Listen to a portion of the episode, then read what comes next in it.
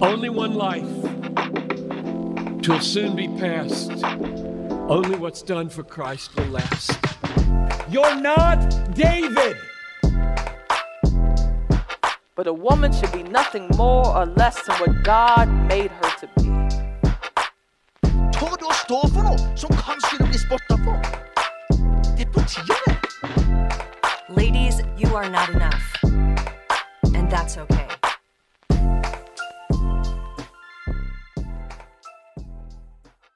Hei og velkommen til Sarapodden, en podkast av jenter for jenter, hvor vi tar opp sentrale temaer rundt det kristne livet. Mitt navn er Vilde, Og mitt navn er Cecilie. og i dag har vi en veldig spennende episode. Ja, vi har mye spennende som vi skal snakke om eh, i denne episoden. Og, men i det siste, når vi sier, alltid når vi sier navnet vårt, så er jeg blitt veldig usikker på om jeg skal si at om jeg heter Cecilie, om jeg heter Cecilie. Men eh, nå sier vi jo mitt navn er Cecilie, så jeg slipper å tenke på det. Men på Iveland så sier man man sier heite, at jeg heter Cecilie. Og da har jeg blitt slakta noen ganger av Martin. Når jeg har sagt det, så har jeg blitt veldig usikker. Men vi slipper den, eh, Ja. ja, slipper den det dilemmaet når vi har introen. Eh, Men siste episode så hadde vi med oss Sofie Braut, og vi Mhm. hadde om bibelskam og samfunnsdebatten. Så de som ikke har hørt den, burde jo gå inn og høre på den. Sofie er jo en veldig, Mm. veldig bra dame, og har fått veldig god respons òg på den episoden. Mm. Ja, eh, og om eh, vi, må, vi bestemte oss for å ta det fra begynnelsen av, sånn så vi husker det. Men hvis noen har lyst til å støtte Teologitavla eh, og arbeidet som ble gjort her, så kan man gjøre det med å vippse til 692607, eller å gå inn på teologitavla.no for å lese og mer informasjon om det. Ja, det tar jo tid å lage ressurser, og ja, så hvis du har lyst Mm. til å gi en gang, så er du velkommen, eh, veldig velkommen til det. Mm. Men nå er vi jo inne i det som eh, mange kaller for pride-måned, og der er det mye fokus på det som har med seksualitet å gjøre. Og derfor skal vi snakke om noe som er veldig relevant, og som har med den tematikken å gjøre. Så i dag så trykker vi jo skikkelig til. Vi skal snakke om pornografi, seksualitet og ekteskap. Og til det så har vi med oss en gjest, og det er Alexis Lund. Velkommen! Tusen takk. Dette var jo eh, veldig gøy. Jeg har jo hørt deg undervise og, og dele noen ganger om denne tematikken. Men jeg lurer kanskje på om det var på Oslo Symposium. Lurer på om jeg hilste på deg for Det første kan gang. stemme. Ja. Der, eh, der får du noen, noen små tildelte minutter, så Ja. da må du bare gønne på. ja. Åssen føles det å nå være helt i Vennesla? Du, det føles helt fint. Ja. Jeg har vært der før. Du har det? Ja, jeg har det. Jeg er jo generelt mye rundt omkring i Norges land, så ja da. Jeg har vært eh, ikke i det huset her, men i nabohuset. Ja. ja, men Så bra. Kan du ikke fortelle sånn helt innledningsvis eh, hvem du er? Hvem jeg er? Ja. Jeg, er en ganske vanlig fyr. Ja. Altså, jeg er, jeg er 50 år, så da er jeg jo blitt voksen. Jeg har eh, Jeg har et langt ekteskap eh, i, eh, i bagasjen min med min elskede kone Elisabeth. Så det, det har resultert i fire barn. Og eh, nå kommer det jo svigerbarn som perler på en snor. Ohoi. Og barnebarn. Å, skal si. Så det tar mye Altså, familie har liksom tatt mye av mitt liv. Eh, og det er godt, og det er naturlig. Um, ellers så er jeg veldig begeistra for friluftsliv. Jeg liker meg utrolig godt uh, i fjellet.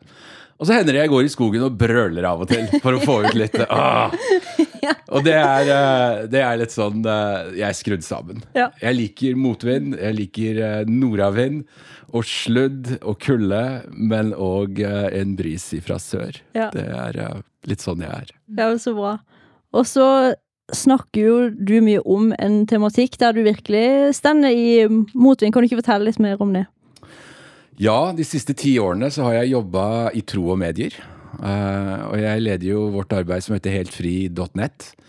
Hvor uh, identitet og seksualitet og kropp og kjønn og samliv er jo det landskapet jeg jobber i. Og uh, pornografi har liksom vært inngangsporten der. For det, det var det vi begynte med. Det var liksom det vi tenkte dette skal vi ta tak i og, og jobbe med. Men så åpna det opp noen dører til at vi kunne grave litt dypere i, eh, i mennesket, og litt dypere i seksualiteten. Og hva vi er, og hva vi er ment å være. Og det er et eh, det er et krevende landskap å jobbe i, men det er utrolig givende, og det er veldig spennende. Og det er eh, Det er stort å kunne snakke godt og sant om disse tingene, for det trenger jo vi å høre. Ja. Det er helt sant. Og det er jo det som vi skal ha som tema. Da. Det er jo det som er pornografi og seksualitet og ekteskap å gjøre. Men før det så må vi jo spørre, har du eh, alltid vært en eh, kristen, Alexis? Du, jeg har alltid vært en kristen og er født inn i en litt sånn radikal eh, Jesusbevegelsefamilie og vokste opp sånn delvis i California i sånn hippie-kollektiv og Uh, Så jeg har en litt sånn fargerik uh, oppvekst. Uh, og så har jeg gifta meg med en skikkelig bedusjente. Og så har vi landa liksom godt i pinsebevegelsen.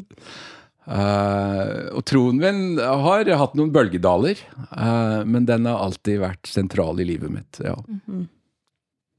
Eh, kan du fortelle litt om hvordan du på en måte kom inn i det du jobber med nå, det du driver med nå? Ja, det er jo Det er en ganske lang historie.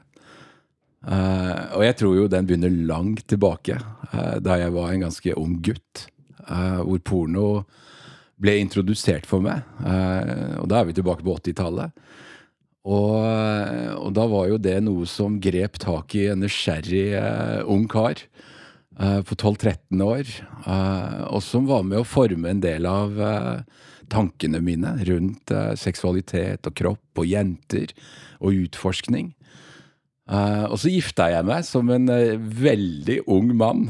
Altså Jeg var akkurat fylt 19 år, og Elisabeth var 18.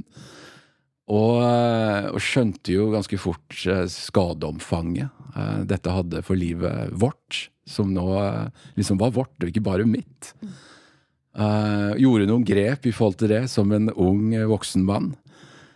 Og um, så går det mange år, og så begynner jeg å jobbe i tro og medier. og Før det så jobbet jeg i barnevern og har liksom gått en runde i, eh, i yrkeslivet. Um, og da kommer dette spørsmålet opp. Det er ingen uh, innenfor Kristen-Norge som egentlig virkelig har tatt tak i dette.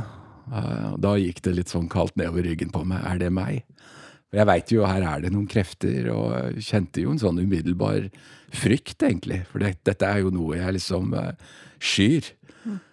Men så gikk vi noen runder, og, og kjente nok mer og mer at ja, dette, dette er noe vi skal jobbe med.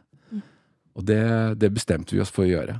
Eh, Litt på utgangspunkt egentlig fra en forespørsel fra NRK, som skulle gjøre en radiodokumentar på pornografi og avhengighet. Og så visste de at i vårt seminar, de hadde gjort en eller annen research, der var porno liksom en liten del av eh, medieundervisningen som vi hadde. Men da kutta vi ut alt det andre og bare grep om eh, pornografien og virkelig satte oss inn i materie. For eh, hva er dette, og hva gjør det? Hvordan fungerer det? Og hva skal vi gjøre med det? Ja. Ja, det tar oss jo egentlig litt videre til hovedspørsmålet for dagens episode. Hva er det som egentlig er så veldig galt med pornografi? Det skader jo ingen andre hvis en kikker på det. Det går jo ikke utover noen andre, det. Det er mange som tenker det. Men det er jo ikke sant. Um, og det er mye som er galt med, med pornografi. Um, og kanskje Hvis vi begynner litt i, begynner litt i andre enden, da. Hvis vi vet hva seksualitet er. Hvis vi har et sant bilde av hva det er, og hvorfor seksualitet er, så begynner en virkelig å forstå skadene av, og omfanget av hva pornografi gjør. Altså, pornografi er grunnleggende usant. Det er grunnleggende løgn. Det lyver om kroppen. ah, Det lyver om kvinnen, og det lyver om mannen. Um, det er ingen uh, ting i pornografien som lindrer disse lengslene som ligger på dypet av oss, da, etter å faktisk bli elsket. Hvor uh, nakenhet og sårbarhet er en del av det som Gud har lagt ned i oss mennesker. Og da er det noen premisser da, som må være til stede for at det skal få leve, leve livet sitt. Og det er jo ærlighet, det er sannhet, Det er trofasthet, det er forpliktelse, det er ansvar. Det er alle de tingene som skal til for at vi faktisk skal kle oss nakne sammen. Så det er mange ting med pornografien. Og så er det jo selvfølgelig liksom sånn samfunnsmessig ekstremt skadelig knytta til lenken til moderne menneskehandel, altså slaveri, hvor båndene er veldig tette. Utnyttelse av mennesker, eh, og i stor grad kvinner. Og selvfølgelig lenkene til overgrepsrelatert materiale. Noe som det området hvor vi er i nå, altså Kristiansandsområdet, vet mye om. Hvor det var noen veldig alvorlige overgrepssaker som foregikk inne på offentlige toaletter her for, det var rett før pandemien. Hvor offentlige myndigheter, altså politi og helsemyndigheter, sier at det vi ser her, det er så grovt, men det kommer rett ut av skriptet av mainstream porno. Så vi kunne fortsatt lenge og snakket hva som er destruktivt med porno. Ja, for når du nevner det, så husker jeg faktisk at jeg var i en setting der vi snakka om at det var, det var en person som nylig hadde begynt å se mye på pornografi, og, men bare fem minutter etterpå så snakka man om at eh, denne personen òg hadde sendt grovt innhold til andre jenter. Men når vi snakka om pornografien, så var det sånn Men dette er jo helt normalt, for dette er jo en del av det å være ungdom. Men det var ingen som kunne se sammenhengen mellom å se på pornografi og eh, det at den personen hadde jo sendt drøye meldinger da, til andre jenter. Og så kjente jeg bare sånn vondt inni meg, for det var Jeg tenkte bare Er det ingen som, er det ingen som ser denne sammenhengen? Så jeg kjente bare sånn sorg, og jeg satt som et liksom sånn spørsmålstegn, da. Og det tror jeg, når du ja, deler om det, da, at det er Jeg tror det er en tydelig sammenheng altså mellom det vi ser på, og hva som blir normalisert. For når vi ser mye på noe, så kan man jo få et veldig feil bilde av hva sex er, og hva det skal være. Og da er det jo klart at det påvirker jo hvordan man da behandler andre, andre mennesker igjen. Du blir det du spiser. Ja. Og hjernen vår er jo det som heter nevroplastisk. Og jeg tror, du, jeg tror du har helt rett, og jeg kjenner veldig godt igjen det du sier. Og jeg tror kanskje det er flere som, som kjenner igjen dette, men eh, som er redde for å ytre det og si det. Fordi at vi er så ufattelig redd for friheten vår. Det er jo noen eh, personer, f.eks. Erik Husby Sæter, som jo er en politietterforsker. Som ikke er en kristen, som virkelig har sett dette, for han har jobba mye med sedelighet. Han har skrevet en bok som heter Pornomania, som er uh, ufattelig mørk og krevende å lese. Men som handler om nettopp dette som du beskriver. Em, en av grunnene til at vi hadde lyst til å ta dette opp i dag, eh, var fordi at altså det er litt sånn vanlig at altså det er jo et kanskje mer typisk gutteproblem enn det er et jenteproblem. Men det er jo et jenteproblem også. Eh, så vi hadde på en måte lyst til å fokusere litt på at det er Altså begge kjønn kan slite med dette. Eh, og det kan kanskje gjøre det ekstra liksom, sårbart eller vondt for eh, jenter som sliter med dette, da, å be om hjelp. Fordi at det er sett på liksom som et gutteproblem, og at det da blir verre å komme fram.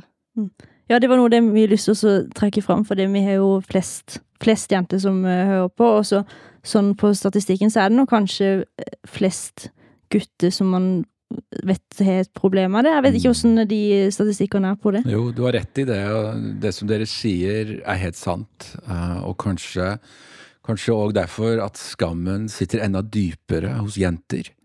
Og så er vi ulike, da, som gutter og jenter. Kvinner og menn. Og, og noe av, eh, noe av liksom inngangen til dette knytta til eh, jenter, da, som, eh, som ser på porno og kanskje utvikler en avhengighet i forhold til porno, er jo noe vi har famla litt i blinde hos oss. For hvordan skal vi håndtere det? Hvem skal snakke med de? Uh, og hvordan, uh, hvordan skal vi håndtere den gruppen? For du, jeg, jeg får jo mail og meldinger ifra disse jentene. Uh, derfor gleder jeg meg til høsten, for da har vi ansatt en dame som skal jobbe hos oss.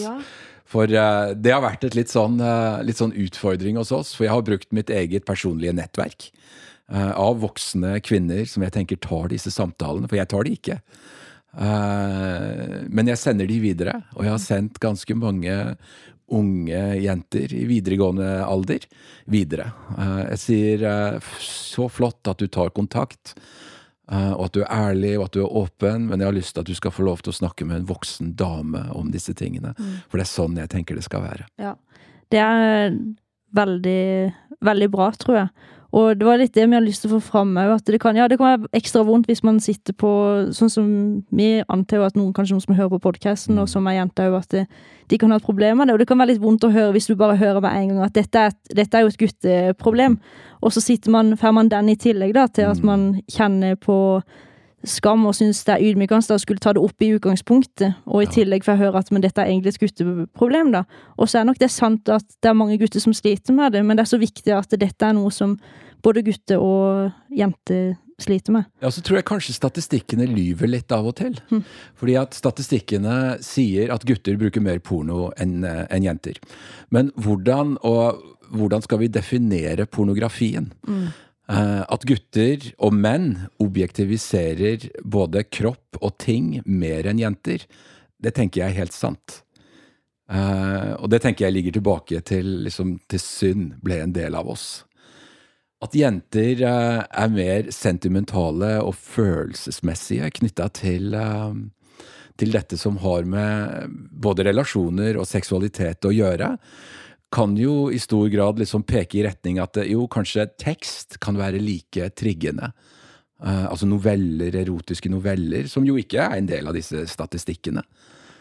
Uh, så det er nok mange ting her som uh, jeg tror hadde, vi hadde vært tjent med å snakke litt om, sånn som vi gjør nå, for å løse litt opp i hvordan, hvordan skal vi sette retning i livene våre, og hvordan skal i denne grad da, unge, unge kvinner kunne finne sin verdighet og finne ut hva de er, og hvorfor de er.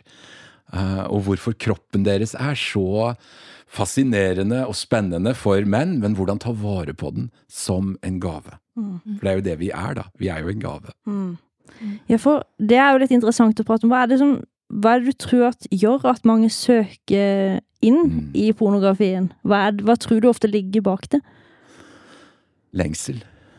Eh, lengsel etter intimitet og smertelindring. Ensomhet, frustrasjon. Og denne evigvarende skammens sirkel, som, eh, som er virkelig vanskelig å bryte ut av.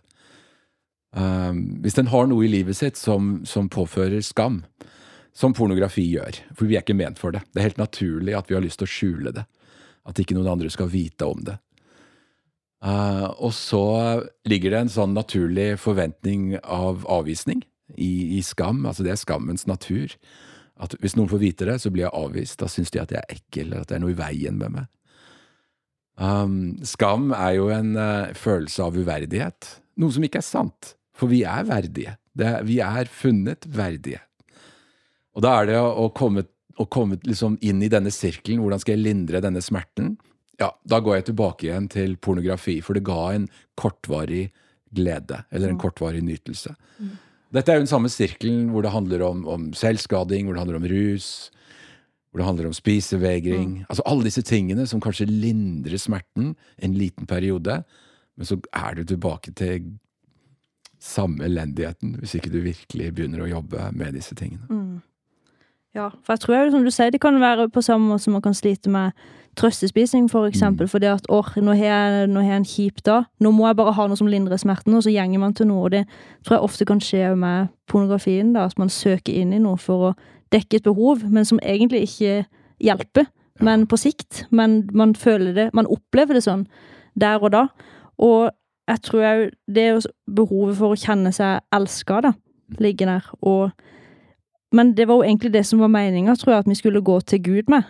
Men så søker vi inn i andre ting for å få dekka de behovene. Og du kommer jo snart ut med en ny podkast som omhandler dette temaet. Kan du ikke fortelle litt om den? Ja, altså det er jo det er kjempespennende å, vært, å ha vært i den prosessen. Altså Podkasten heter En bedre historie. Uh, og den har vi laga sammen med Frimodig kirke. Eh, egentlig på initiativ fra Frimodig kirke, hvor vi ønsker å få fram eh, noen andre historier eh, enn det som kanskje mainstream media får fram. Hvor vi finner mennesker, og det er mange av disse menneskene, som kanskje har følelser knytta til knytta til eget kjønn, eller tiltrekning til eget kjønn. Kanskje er i konflikt med sin egen biologi, altså sin egen kropp. Hvor, uh, hvor troen er det som får lov til å sette føringer for hvilke valg er det jeg tar. Og da er vi jo borti disse superkontroversielle tingene, men dette gjelder jo oss alle.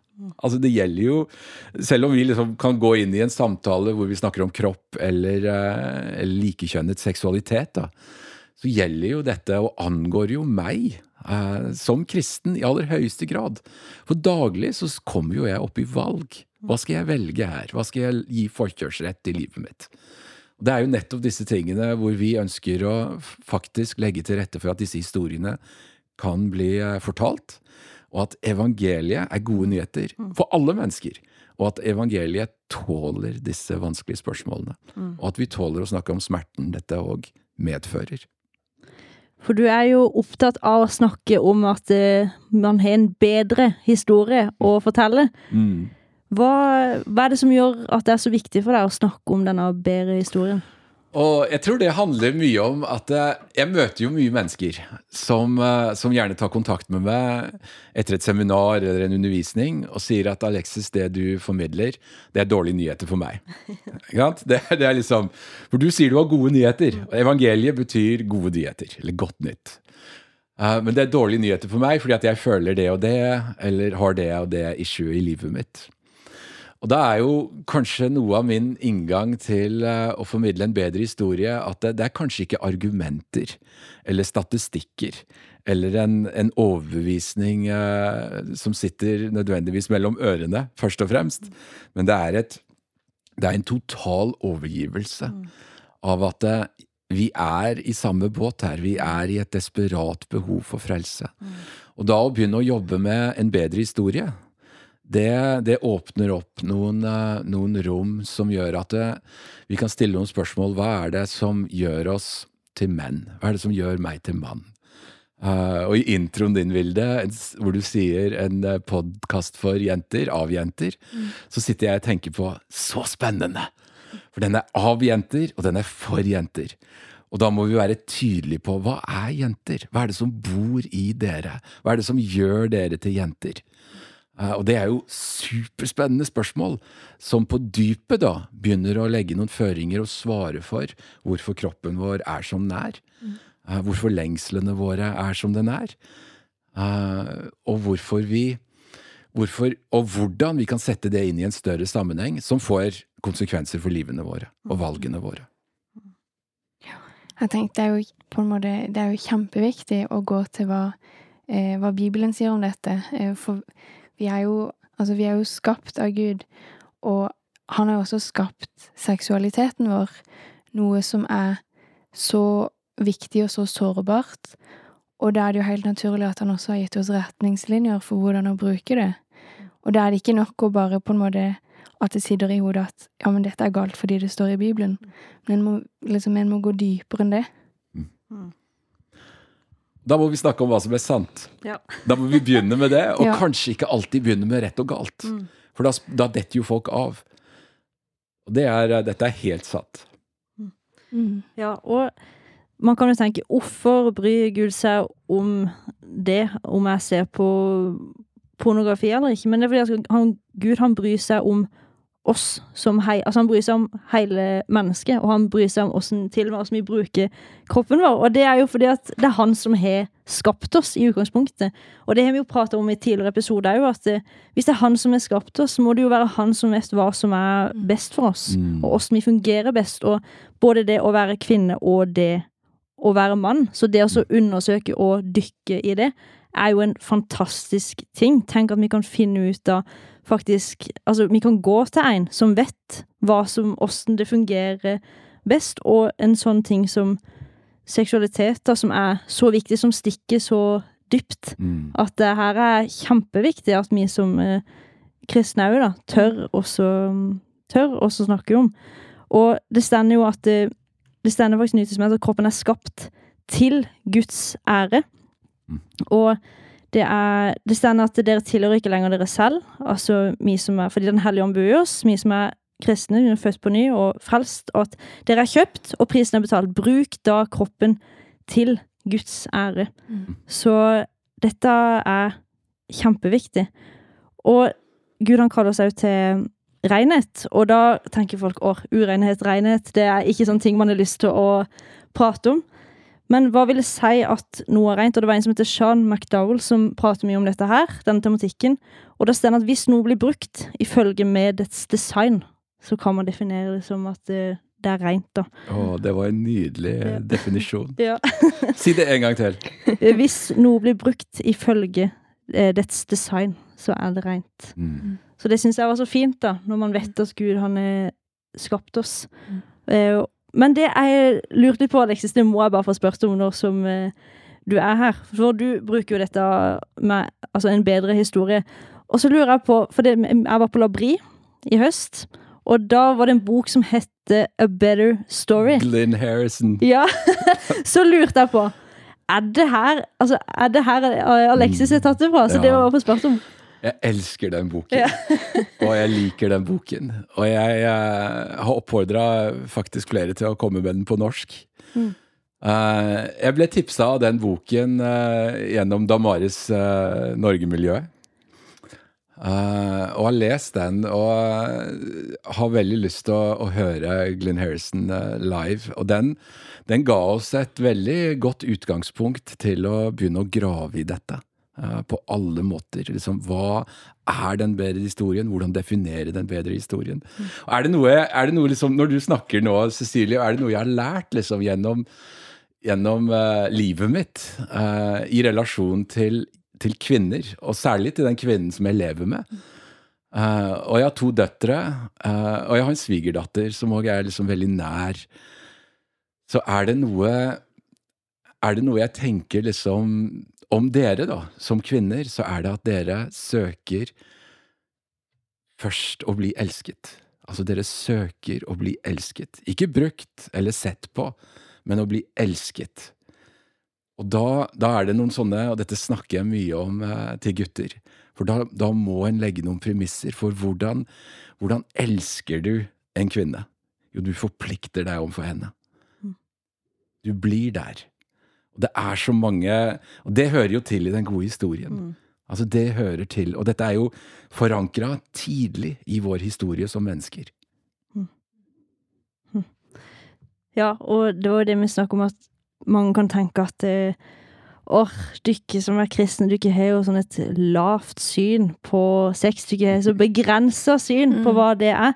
Men det er jo fordi at det er så viktig, det stikker så dypt i oss. Og det er jo fordi at man faktisk har et høyt syn på hva det er. Fordi at det betyr noe. Eh, hvilke relasjoner man har, og det går på noe av det dypeste. Og, eh, og det som ofte kan være Altså, det var i utgangspunktet noe som var ment å være fint, men hvis det blir ødelagt, så kan det bli noe av det som er det vondeste i livet. Og sånn kan det jo være med ekteskap. ikke sant? Man ser med trofasthet, og se hvor ødelagt det kan bli hvis den ene er utro, for eksempel. Og når synd kommer inn, så ødelegger det. Men det er jo egentlig meint også å være noe som skal være fint. Men så kan man, hvis det blir ødelagt, så kan det bli noe av det verste. Ja. Jeg syns det var litt spennende i vår når Peder Kjøs, som er liksom litt rikspsykologen vår, som ikke er en kristen mann, sier at hans kliniske erfaring som psykolog er at kristne monogame forhold har det bedre seksuelt sammen. Så jeg tenker jo helt motsatt eh, av eh, de som sier at vi har et lavt syn på seksualitet. Jeg tenker vi løfter det opp til der det er ment å være. Eh, en ser jo, altså Bibelen snakker jo kjempemye om dette temaet. Det er, når jeg søkte liksom litt rundt forbi på på en måte vers eh, om dette, da Jeg, jeg fant veldig, veldig mye. Men eh, så tenkte jeg eh, et sted der det blir på en måte veldig godt oppsummert hvor viktig det er. Det snakker ikke direkte om seksualitet, eh, men fra Matseus 5, 29-30 om ditt høyre øye lokker deg til fall, så riv det ut og kast det fra deg, for det er bedre for deg å miste én kroppsdel enn at hele kroppen blir kastet i helvete. Eh, og ja, også det samme om din høyre hånd, da. At liksom så viktig er det eh, at en er innenfor de, de riktige rammene, da. Det er, det er liksom Riv av en kroppsdel for å bevare deg Det er rimelig radikalt. ja. er Rådet mitt er å kvitte deg med mobilen, eller gå til en knappetelefon. Jeg, jeg er ikke helt der som Matteus eh, var. Da hadde det blitt avisoverskrifter. Ja. Eh, Men det som jeg lurer litt på, Alexis, for du er jo mye på skole og i sånne type settinger. Eh, Hvordan blir dette mottatt på de skolene som du er på? For da er du jo midt i denne tematikken. Jeg er der- midt i den tematikken, og jeg tror eh, Og erfarer jo at det blir godt mottatt. Eh, og jeg tror særlig fordi at jeg er såpass voksen som jeg er, og jeg er trygg, og jeg har funnet et språk å snakke om disse tingene på. eh, og kan være ganske rett fram. Eh, og jeg er åpen for spørsmål. Eh, og de kommer. Eh, de kommer på små lapper med knotete liten skrift, eller de kommer på tekstmeldinger. Eh, hvis jeg åpner opp mobilen min, så kommer spørsmålene i flere dager. Og jeg har sagt når det bare blir vas, så blokkerer jeg det, dessverre. Så jeg blokkerer ganske mange numre. Men uh, det er noe med at det, det å Det å vite at vi som tror Eh, og jeg er jo inne i friskoler. Veldig mange friskoler, kristne friskoler underviser om dette. Vi som tror, har nok eh, mistet noe av frimodigheten vår. uh, grunnet det enorme trøkket på samfunnet. Men samfunnet lider. Altså Samfunnet har det ikke godt. Og Det er bare å lese statistikk og ungdata, tall, og skjønne at det, det er ikke særlig gode råd unge får i dag. Altså Bare prøv deg fram og se hva som skjer, så lenge alle er enige. Jeg har ingen tro på kardemommeloven når det kommer til disse tingene. Jeg har tro på Guds ord og hva vi er ment å være. Og da, da tror jeg det å være ærlig og tydelig og rett fram, samtidig ha noe kjennskap til ungdomskultur. Vite litt hva er det som skjer. Hva er det som skrives mellom linjene her? Hva er, hva er meningen og hva er betydningen i dette som, dette som kommuniseres? Men være rett fram. Og jeg opplever nok at eh, det å treffe liksom spikeren på hodet rett som det er, eh, er ganske spennende knytta til denne tematikken. Og ungdommer er ikke vant med at min generasjon, som er foreldregenerasjonen, er såpass rett fram. Nei. Uh, nei. For hva slags type spørsmål Altså, hva, hvilke spørsmål er det du ofte får når du er der? Det handler veldig mye om kjønn. Uh, Det handler veldig mye om uh, hvorfor kristne hater homofile. Som jo er noe som er blitt sådd inn da, eh, over tid. Noe som jo ikke er sant. For vi er jo kalt først og fremst til å elske mennesker. Um, og så er det en del spørsmål som kommer rett ut av pornoen. Altså rett ut av pornografien. Om uh, stillinger og posisjoner og ulike leketøy og det ene med det andre. Som, uh, som ungdommer lurer på hva er dette naturlig. Analsex, for eksempel, er en av de tingene som uh, ungdommer spør meg ganske ofte om i ungdomsskole. Og da har, jeg, da har jeg som regel lagt et fundament, da, hvor jeg har snakket en del om kroppen vår og meningen med kroppen vår. Og da er det ganske greit å peke tilbake til de ulike kroppsfunksjonene. Og da òg være helt sånn praktisk de ulike kroppsåpningene og meningen med de. Og så forholder vi oss til det. Og når det kommer til analsex, så tenker jeg jo i aller høyeste grad at eh, den kroppsåpningen har én mening. Og, da, og da, da blir det liksom litt sånn Oi, han svarer virkelig på disse tingene. Og når jeg får disse lappene, så veit jeg jo at det sitter ungdommer der som har prøvd å kna fram et verst mulig spørsmål. Men jeg tar de alle. Eh, jeg tar de alle. Og lærerne og de voksne i rommet de sitter der og er omtrent blå i fjeset. Men eh, jeg tar de for meg fordi at de fortjener svar. For hvis ikke vi svarer, eller hvis ikke jeg svarer da, ja, hvem skal svare da? Ja, det er porno. Mm. Ja, men det er akkurat det du sier, at hvis ikke, hvis ikke de blir lært opp, altså av menighet eller av Mm. foreldre, eller sånn som du som kom, går rundt på skoler, så vil det jo være internett og filmer og TikTok og reklame og sånt. Alt dette fokuserer altfor mye på det seksuelle, og lærer de i feil retning hva som er på en måte rett og galt. Der svarer jeg ja, bare gjør det du vil. Så Redd Barna kom med en rapport i 2019 som heter 'Et skada bilde av hvordan sex er'. Og det var deres rapport om eh, unge mennesker i videregående skole eh, sin erfaring med pornografi. Trenger ikke si noe mer, liksom. Vi må fortelle en annen historie. Mm. Ja. For og tidlig egentlig er det folk Er det barn og ungdom begynner å se på eh, pornografi? Det er tidlig. Ja. Jeg opplever jo dette mye i mellomtrinnet.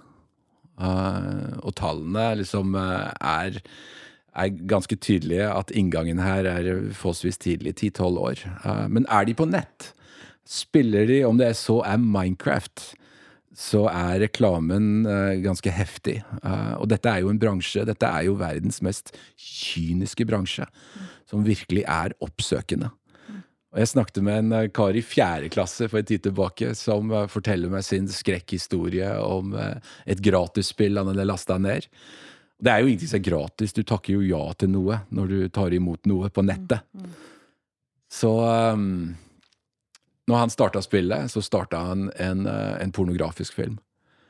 Uh, og da spør jeg denne unge gutten, da, om hva gjorde du med det, da? Nei, jeg løp til pappa med den. Og så roste jeg han for det, og løfta liksom den eh, den atferden opp i skyene, og positivt forsterka det. Men jeg veit jo at når han går i sjette klasse, eller syvende klasse, så løper ikke han til pappa, for da begynner denne skammen å, å ta taket, og nysgjerrigheten. Og da, da veit jeg nok at han heller ville delt det med en kompis. Og to, og tre. Ja, og det har vi veldig lyst til å oppmuntre folk, at det, både foreldre og menigheter og bibelgrupper, at dette er noe man må Altså, man må prate om dette, Mm. og særlig med den Men både voksne og yngre, for dette er noe som preger oss. For det at man kan snakke om ja, hva er pornografi, det er ikke nødvendigvis noe som at du må gå inn på en nettside, bare for, altså en egen pornonettside, for å få tak i det. For dette, vi er ferdig i fleisen eh, hele tida, ofte når vi bare åpner opp eh, telefonen. Så dette er kjempeviktig. Altså En av de største søppeldyngene i dette landskapet her heter Twitter. Så det er, eh, det er ganske det er ganske kommers, eh, hele pakken. Instagram, Dagbladet er jo kanskje de to triggerne som eh, jeg hører mest om, knytta til mennesker som eh, opplever en avhengighet til porno. Det er liksom det er det første du må bare riste av det. For uh, vi har jo lyst til å snakke litt om åssen pornografien, åssen innvirkning har det på relasjoner, og særlig inn i ekteskapet. Altså, har det noe Hvis man sliter med det nå, er det noe som kan påvirke uh, ja, relasjonen inn i ekteskapet? For dette er jo viktig å tenke på både når man er gift, men òg før man finner seg en ektefelle. At dette er noe man må prate om. Ja. Dette, dette bør man prate om tidlig. For dette har store konsekvenser for livet, og for samlivet, og for seksualiteten. Og jeg vil jo anbefale unge mennesker i dag som, øh, som er i en relasjon, som de virkelig tenker dette skal vi satse på, om øh, å sette seg ned og ta denne praten. Gjerne sammen med noen godt voksne, trygge mennesker og gå noen runder på, på akkurat denne tematikken. På, men dette gjør jo noe selvfølgelig med en relasjon, eh, og en kjærlighetsrelasjon. For vår seksualitet er jo ment å være sammenkoblet med kjærlighet. eh, Pluss mye mer. eh, Pluss mye mer. Og da er jo, da er jo dette et svik. Altså, det oppleves jo som et svik, og det er et svik. Og jeg har jo kikka inn i disse ekteskapene og gjør jo det rett som det er. Og ser jo liksom hvor trøblete dette er, og hvor vanskelig det oppleves. Og der òg ser jeg jo nyansene og forskjellene på kvinner og menn. Uh, noen menn sier til meg at ja, men jeg, jeg engasjerer meg jo ikke følelsesmessig i dette, det er bare et quick fix. Uh? Livet er kjipt nå, ting er surt, og hverdagen er grå. eh, seksualiteten er liksom grå, vi er trøtte, vi er slitne, det skjer ingenting. Og så bare ordner jeg meg selv. Mens eh, da sitter jo eh, kvinnen igjen da, og føler seg bedratt. Som hun jo er. Eh, og da kommer følelsene veldig til uttrykk. Så her, her er det ting som må på bordet. Ja. Ja. For det er meg sånn ei gruppe på Sånn svær gruppe på Facebook som heter Jeg lurer på om det er A-jente for jente. Det er bare masse jenter lagt til i ei kjempestor eh, gruppe. Men det er nok flest ikke-kristne jenter i den gruppa. Der sender de inn alt mulig av spørsmål. Kan de sende inn anonymt. Og da har jeg fått opp så mange innlegg av jenter som skriver Kjæresten min ser på pornografi, og hun føler at kjæresten er utro mot henne. Og det har jeg tenkt på at Det er akkurat som at jeg tenkte oi, de, uansett om man sier fordi at folk kan jo si ja, men det er jo greit å se på pornografi, men det er noe inni oss som kjenner at det, nei, dette er jo egentlig ikke greit. Så man kjenner på en følelse at jeg blir, Jeg blir bedratt. Og det tror jeg jo fordi at jeg tror mennesket er skapt i Guds bilde. Vi var egentlig meint til noe annet. Mm. Og sånn som eh, Jesus sier, at, eh, at hvis du ser på en kvinne med begjær, så har du allerede begått med begjær, så har du begått ekteskapsbrudd i hjertet. Så det viser jo at det, altså, Jesus heter jo bare en sånn herre Det er Du trenger ikke bare være fysisk for å, med noen andre for å være utro. Mm. Men det å se på en annen kvinne med begjær Mm. er utroskap. Så jeg syns bare det var så veldig interessant når jeg leser mennesker som ikke har noe forhold til kristen tro, da, kan skrive om disse følelsene. Jeg syns ikke det er så rart heller. Nei. Ikke sant? For denne, denne kvinnen da, som skriver dette, hun vil jo bli elsket. Ja. Ikke sant? Hun vil jo bli æret. Hun vil bli løfta fram som, som liksom verdifull. Mm. Og hun, eh, tenker jeg jo da, har enerett på sin mann. Mm. Mm. Ja. Um, er du klar til å gå litt videre, Cecilie, eller hadde du mer? Uh, ja, det eneste jeg tenkte på, er at det, er også Man kan tenke at åh, skal jeg orke å bruke energi på å si liksom, nei til pornografi? Men jeg tror viktige ting Ofte så koster det noe. Altså Skal du prioritere noe som er veldig viktig, så må man være villig til å legge ned noe fordi at du sier ja til noe annet. Og det tenker jeg at det, ja, om man så er alene nå, at ja, men jeg sier nei til disse tingene. Altså både overfor Gud, at jeg ønsker å leve fullt og helt for Han, Mm. og jeg ønsker å leve et hellig liv. Jeg ønsker at han skal kunne legge av de tingene i mitt liv. Det må jo jeg, det må alle mennesker på forskjellige områder legge av ting fordi at man har lyst til å leve for han.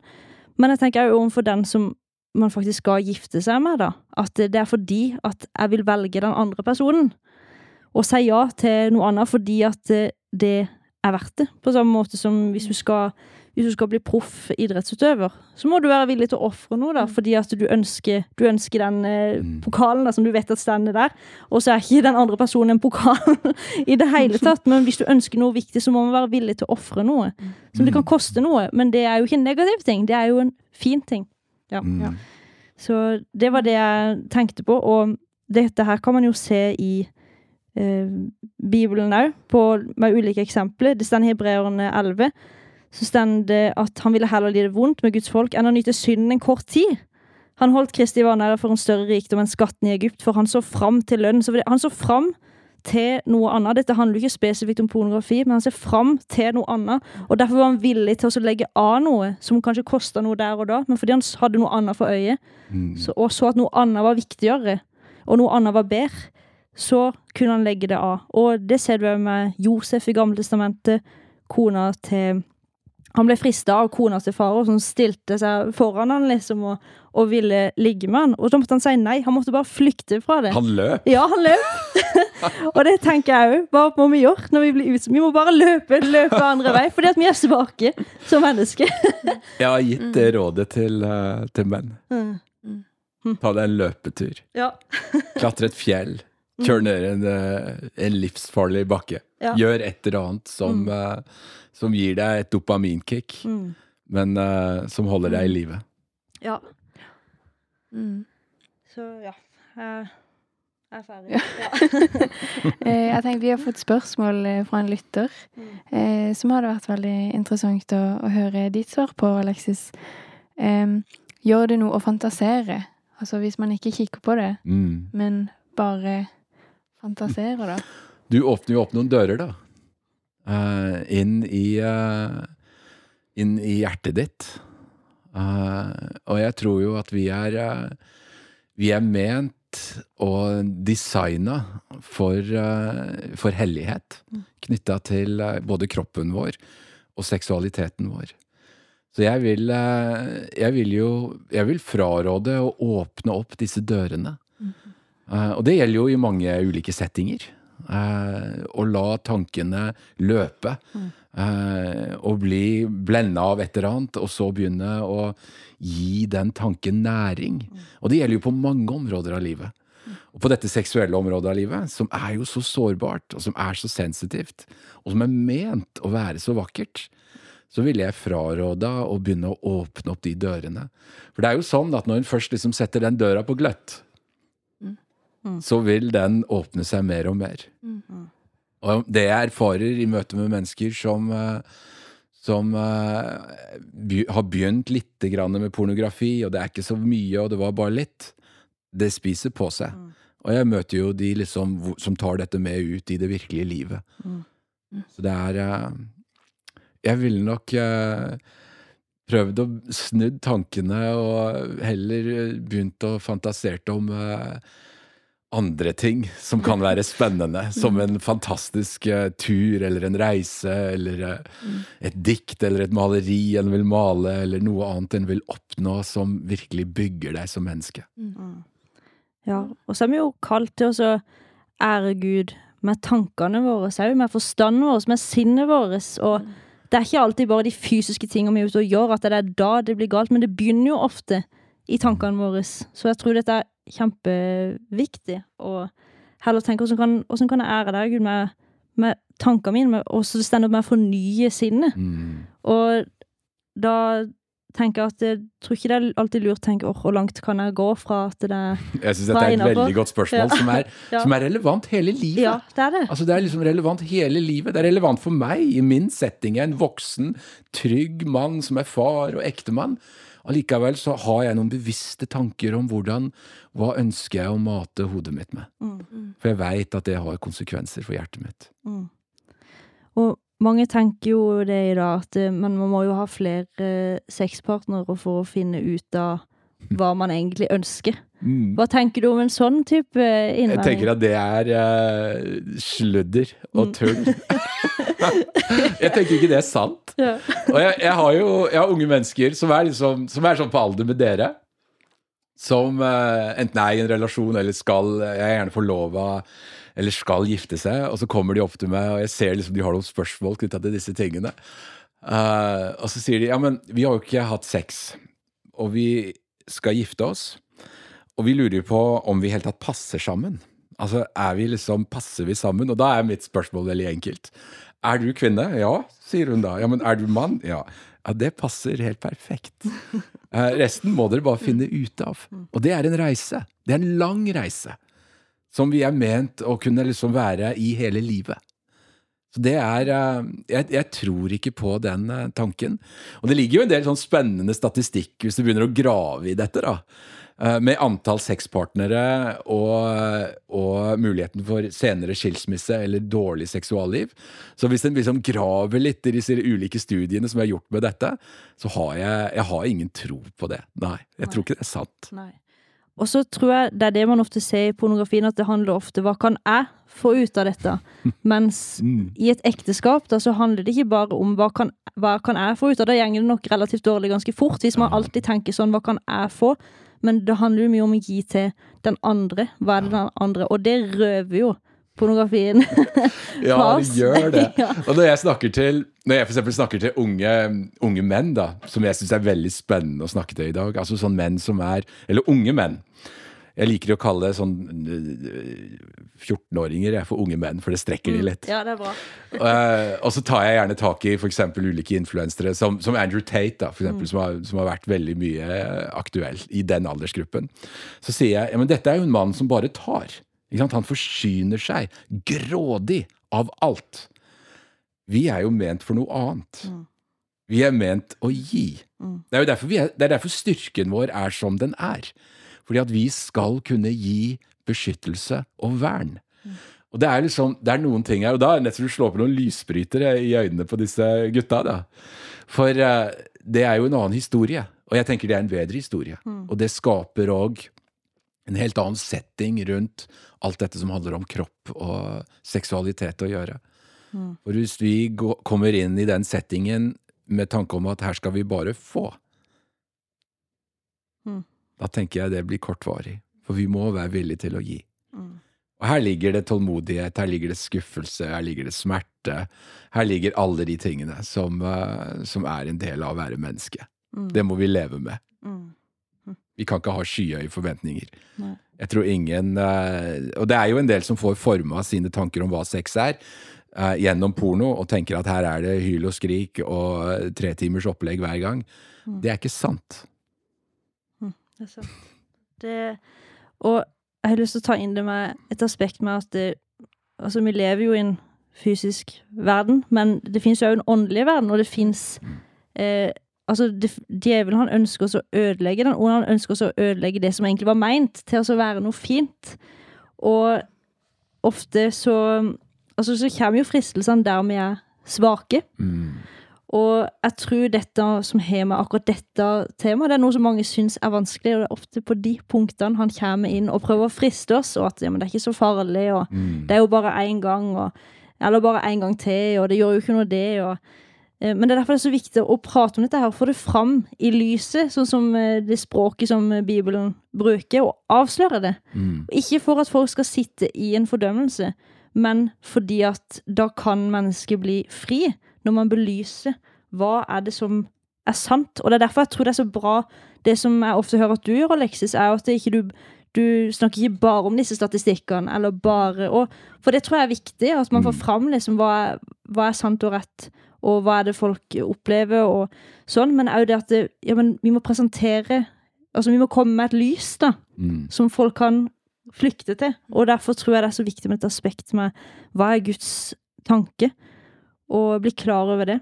Fordi at Guds ord er godt. Det er det. Det er fantastisk. Ja. det, og tenk hvis alle hadde fulgt Bibelen sånn objektivt sett i en perfekt verden som ikke vi lever i nå, som vi ikke kommer til å få oppleve her og nå. Men, eh, men tenk hvis det hadde ikke vært utroskap. Da hadde vi ikke hatt ektefelle som hadde reist fra hverandre i, ja, i utroskap, og vi hadde ikke hatt voldtekter.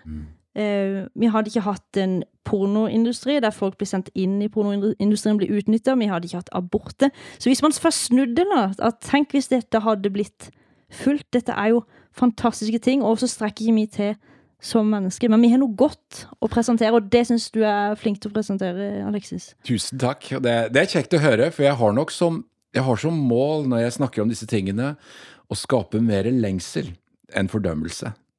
Fordi at fordømmelse, det fører oss bare lenger ned i avgrunnen. Men hvis vi klarer liksom å si noe om at det er noe som, som du sier, som er godt, så dannes det en lengsel. Uh, og det er uh, et konkret eksempel på det, hvor jeg hadde et opplegg på en videregående skole, på et russekull. Det var en offentlig skole. Det er sjelden jeg er i offentlig skole, men dette var det. Hvor uh, jeg var inne og snakket om pornografi, og så var det en, en ung dame, da. Som jo var russ, altså da er hun 18 år, som var ganske provosert over eh, tilnærmingen min til, til seksualitet da, og grenser og, og disse tingene. Som eh, Og så sier hun eh, at hun, hun likte jo å ligge rundt. Og så spør jeg henne i plenum, fordi at hun var så direkte. Og unge i dag er ganske direkte, altså. Nei, så spør jeg, Men hva er det du søker, da? Hva er det du, liksom, hva er det du leter etter? Når du gjør deg så sårbar. Og så kom klarte ikke å kna fram noe svar. Og så snakket jeg med henne etterpå. Og så måtte, først måtte jeg så gikk det bra, for jeg var jo ganske direkte med det. Men uh, så snakket vi med henne etterpå, og da, da landa hun ganske der som jeg foreslo for henne. da. Jeg s- tenker jo at du søker at noen elsker deg. Og Ja. det har vi lyst til å komme inn litt på nå, litt sånn praktisk. For det, vi antar jo at mange som hører på denne podkasten, at det, det, dette er noe mange har vært borti. Og hva gjør man praktisk hvis man sliter med det, og er, man kjenner seg skikkelig fanga i dette? Hva, hva gjør man da? Og dette er, eh, dette er et godt spørsmål. Og det er en del ting som, eh, som en rent praktisk en eh, kan gjøre. Det første er, er jo å sette ord på det. Um, og skam liker veldig dårlig å bli eksponert. Men når dette blir satt ord på, i en trygg setting, eh, så, så skjer det noe eh, på innsida. Hvor en anerkjenner og aksepterer at dette er noe som jeg ikke har kontroll over. Eh, det er noe som har kontroll over meg. Eh, Å komme til den er- erkjennelsen, ikke bare for seg selv eller med den nærmeste venninnen, men kanskje med en, en leder som en har tillit til, altså en voksen lederskikkelse som en har tillit til, eh, hvor relasjonen er trygg. Det er så viktig at dette er trygge settinger. Og så er det jo kanskje å sette opp noen, eh, noen fysiske sperrer, da. Må, du, må du ha alle disse tilgangene? Må du ha mobilen på rommet? Eh, hvordan skal du hogge av deg denne hånda, da? Eller stikke ut dette øyet? Tilbake til Matteus. Ikke sant? Det er litt sånn praktisk. Eh, kan jeg gjøre noe knytta til eh, min tilgang? Og det er vanskelig, og da må hun være ganske radikal. Jeg kjenner mange jeg som har eh, knappetelefon, eller dumbphone som det nå heter. Eh, og så er det jo noe med å kunne forholde seg til en som eh, en medvandrer. Altså noen som gjør deg ansvarlig. Som ansvarliggjør deg på når du faller. Eller om du faller. Eh, og da snakker vi ikke om en anklager. For det er ikke det vi trenger i livene våre. Det har vi nok av. Vi er rimelig gode på å anklage oss selv, stort sett. Vi trenger en som gjør oss ansvarlig. Og det er jo en medvandrer over tid som uh, vil kunne være med å veilede og være med og prate med deg gjennom disse prosessene som eh, jeg har sett mange ganger vil slippe taket. Så må en kanskje begynne med å snakke om hva er, eh, hva er denne smerten, da? Hvordan skal jeg lindre denne smerten? Um, jeg anbefaler veldig mange unge voksne mennesker uh, å ta et hjertefokuskurs. Eh, å reise opp til, opp til Hemsedal eller eh, en eller annen plass og, gå gjennom et hjertefokuskurs. For det, det setter på plass noen ting. Eh, det forankrer noen sannheter. Det å ta inn over seg kunnskap om hva vi er som skapt og elsket og ønsket av Gud, det gjør noe med filterne som vi kanskje klarer å sette på utsida av, av hjertene våre og tankene våre. Så det er godt mulig at en står overfor et stykke arbeid. Uh, Men sånn er det med avhengighet. Uh, Jeg møter mennesker som, uh, som forteller til meg at de er blitt fri fra pornografi uh, ganske fort. Og så møter jeg mennesker som er på min alder og eldre og sier at dette er noe jeg har slitt med hele livet. Dette er, dette er en, en rundreise for mange, og en vanskelig prosess for mange, og en enklere prosess for noen. Men jo før en tar tak i det, jo bedre er det. Og det å sette seg ned med noen en har tillit til, og snakke om det, det er virkelig eh, veien ut. Og så har jeg tro på Gud. Jeg har tillit til Gud. Det er så spennende med, med Gud. Da når han ble menneske, Jesus, så oppsøkte jo han mennesker med ulike utfordringer. Han var som en magnet på Ja. de. Ja, det er sant. Fordi at Altså, det som, altså synd, altså det som er imot Det som går imot Guds vilje, den må vi jo kjempe mot hele, altså hele livet. så dette er jo en kamp som som vi som kristne er, Dette er en kamp vi er nødt til å ta, og så ser det forskjellig ut på, eh, på ulike områder. Og det som er, når man blir sittende fast i noe, uansett åssen synd det er, det kan være eh, altså om det er løgn, eller om det er baktalelse, eller om det er andre ting, andre avhengigheter, så tar det fra oss frimodigheten ofte i tjeneste. Og det er så viktig å få kasta lys, for man tenker at åh, men det er bare bedre hvis jeg bare holder det for meg sjøl, og så går det nok greit. Men det er ikke alltid at det er sånn, for da er det bare helt til man blir frista, og så faller man i det igjen. Så det med å få noen til å ansvarliggjøre det, og det snakker vi av Vilde om òg litt, ok, men man så kanskje man gjenger til en person, og så sier man det, og så er det ikke alltid den personen følger deg opp. Men det er noe med så ok, men spør den personen kan du ansvarliggjøre meg en gang i måneden, for eksempel. Bare sånn at man, gir, man skjønner at man gir den personen Nå gir jeg deg rom til å spørre meg konkret om det spørsmålet. Ja. Hvis en har lyst til å på en måte ikke klare seg, da, så setter en seg sjøl til å være den som skal ansvarliggjøre. Og det er veldig, veldig lett å overtale seg sjøl hvis en først har lyst. Altså, Bibelen er ganske tydelig på det. Altså, Hjertet vårt er svikefullt mer enn noe annet. Ja. Men snakker du om en app eller noe, Cecilie? Jeg snakker om en app, for jeg føler at jeg har hørt Alexis nevne det før, at det fins en app eller noe du kan få inn på telefonen. Du, når jeg begynte å jobbe med dette, så var jeg litt sånn Tør jeg dette? Ja. Eh, Våger jeg å gå inn i dette landskapet? Og da gjorde jeg en del eh, research knytta til ulike apper. Og jeg var faktisk i USA en tur og, eh, og møtte mm, en gjeng fra Covenant Eyes, som jo er en spennende app. Som jeg har installert på alle mine enheter. Eh, og det er en VPA som gjør at all min nettaktivitet den blir jo overvåka. Altså jeg er 100 transparent. Og jeg tenker det er et minstekrav i et forhold og et ekteskap at telefoner og iPader og alt er åpent. Det er mange som rynker på nesen da. Men uh, jeg tenker en, en, sier, uh, en sier ja takk til å bli ett. Men eh, i et ekteskap. Men eh, denne appen som heter Covenant Eyes, som jeg har anbefalt til mange, den kan du sette opp sånn at du, den ansvarlighetspersonen som eh, vandrer med deg, får eh, en mail med noen bløra screenshots av eh, sider som er eksplitte. Det skal ikke så mye til før de screenshotsene blir tatt. Og dette vet jeg det er forholdsvis mange som bruker, og jeg har vært medvandrer for en, en god gjeng med mennesker gjennom denne appen. Eh, og har den selv på mine enheter, fordi jeg tenker det er, det er trygt og det er greit, og jeg lever ufattelig godt med det. Og tenker at det, det er en uh, sånn teknologisk uh, lur løsning. I og med at vi lever i en verden som er absurd på dette området. For det som verden, hvis en skal bruke det, har en tendens til å gjøre da, når man snakker om sånn som pornografi eller, eller synd generelt, det er at, at, eh, at pornografi, nei, det er ikke så ille. Og at man snakker om at synd blir liksom mindre ille for å gi folk bedre samvittighet. Da, for at det da, men det man gjør, det er jo å gjøre folk egentlig en bjørnetjeneste. Det tenker jeg i kristen setning. Vi må ikke liksom si ja, men det er ikke så ille, og det er mange som sliter med det. Og, men det er noe med at jeg tror også at synden generelt i livet er mye verre enn vi tror. Vi, altså, vi, vi, er, vi tar så mange dårlige valg av og til, og det er mye verre enn vi tror. Men det er derfor evangeliet blir så stort. At det gjenger an. Altså Uansett hva, hva du sitter inni, så kan du komme til Jesus. Han vil tilgi deg. Du kan komme eh, med det inn i lyset, og han vil ta deg imot. Så det er det som er viktig med den tematikken, at vi ikke liksom lager et, maler et bedre bilde av synden eller av, av ondskapen.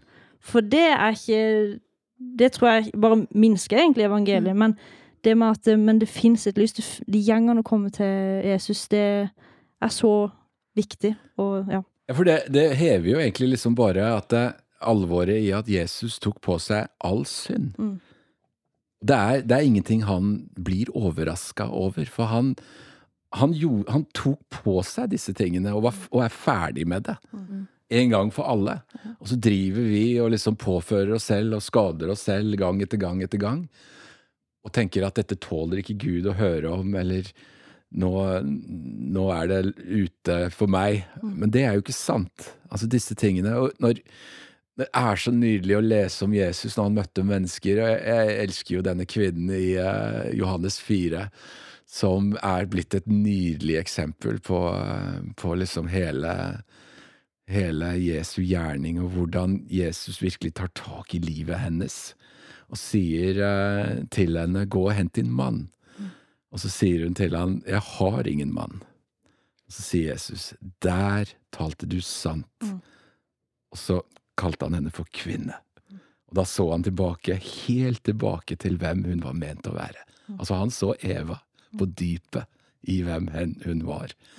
Og der, eh, der satte han henne fri, når hun snakket sant om livet sitt. Og han valgte henne for å liksom virkelig proklamere seg selv som levende vann.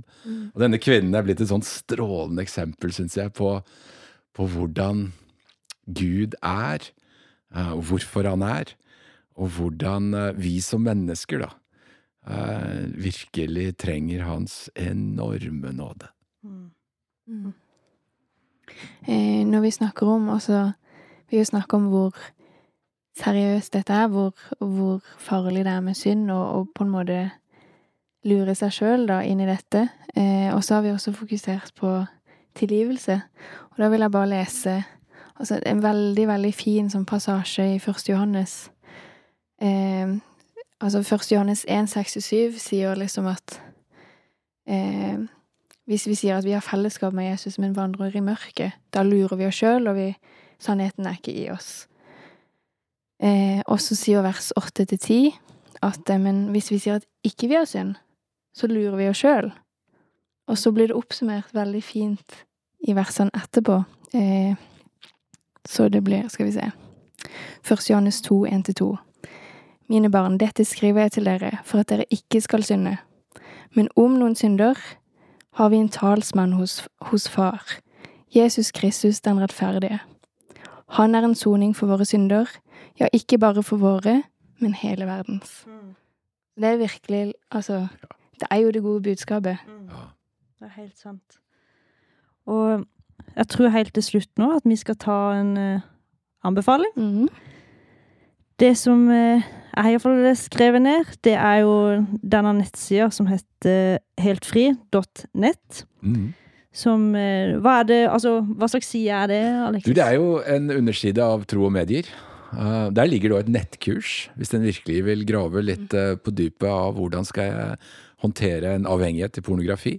Så er det en side som eh, vi har satt opp uh, knytta til en bedre historie. Eh, det ligger noen tekster der, det ligger noen pekere videre til andre ressurser. Så en ganske enkel nettside. Mm. Eh, Og den andre tingen kommer til å anbefale, det er podkasten til Alexis Lund. Er det, hva er det den podkasten heter? Den heter En bedre historie med Alexis Lund. Ja. Så bra. Den anbefaler vi de som har lyst til å dykke enda dypere i denne tematikken, også søke inn der. Ja. Eh, og så har jeg, jeg har lyst til å anbefale Du har vært gjest eh, på eh, Fundament, hvor jeg liker å kalle det for søsterpodkast. Broder. Broder-podcast Ja. Det er en god broder. Ja. Det er flere gode brødre, der. ja. eh, så eh, episoden heter 'Pornografi og mannsrollen' med Alexis Lund. Eh, jeg har hørt den sjøl og syns han er veldig bra, så det er ikke bare for, det er ikke bare for eh, gutter å høre på den. Nei. Jeg vil jo anbefale at eh, ja, jenter kan også høre på den. Da sier vi tusen takk eh, til deg, Alexis, Mm. for at du hadde lyst til å være gjest hos oss. Flott å være her. Ja, så bra. Og så kan dere som hører på, dere må jo gjerne abonnere på Teologitavla sin YouTube-kanal. Og så kan du jo lytte på Sarapodden på Spotify, YouTube eller der du hører på podcast. Eller følg Sarapodden på Instagram. Der skjer det jo litt sånn eh, av og til, der vi Mm. oppdaterer litt. Og, eller så kan du sende inn spørsmål, hvilke som helst spørsmål. Kan du sende inn til mailen vår på sarapodden krøllalfa teologitavla.no, eller sende det inn på Instagrammen vår. Så da sier vi takk for denne gang.